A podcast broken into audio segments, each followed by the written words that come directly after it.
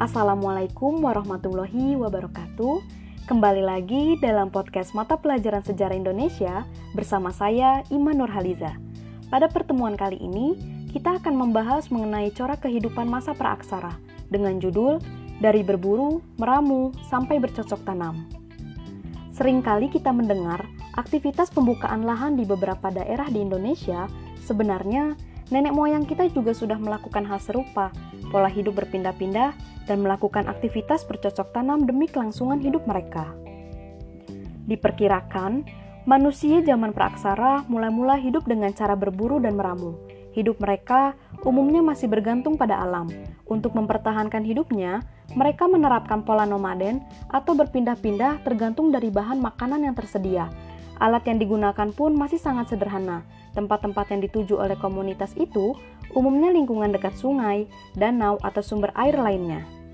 Masa manusia purba berburu dan meramu itu sering disebut dengan masa food gathering. Mereka mengumpulkan dan menyeleksi makanan karena belum dapat mengusahakan jenis tanaman untuk dijadikan bahan makanan.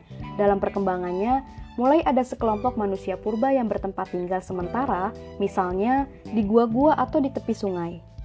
Peralihan zaman menandakan adanya revolusi yang dilakukan pada zaman Mesolitikum ke Neolitikum. Revolusi kebudayaan dari food gathering menuju food producing. Mereka tidak hanya mengumpulkan makanan, tetapi mencoba memproduksi makanan dengan menanam. Kegiatan bercocok tanam dilakukan ketika mereka sudah mulai bertempat tinggal, walau sifatnya masih sangat sementara. Kegiatan bercocok tanam mulai berkembang. Peralatan pokoknya adalah kapak persegi dan kapak lonjong. Dengan dibukanya lahan dan tersedianya air yang cukup, maka terjadilah persawahan untuk bertani. Hal ini terjadi ketika orang-orang dari rumpun bangsa Austronesia dari Yunan ke Kepulauan Indonesia. Dengan perkembangannya, maka kegiatan pelayaran dan perdagangan mulai dikenal. Dalam waktu singkat, kegiatan perdagangan dan sistem barter mulai berkembang dan sudah mulai bertempat tinggal menetap. Untuk lebih mendalam lagi mengenai materi ini, coba kalian analisis hubungan antara pola tempat tinggal dengan bercocok tanam bisa dikumpulkan di grup WA pada hari Senin pukul 16.30. Cukup sekian pemaparan kali ini.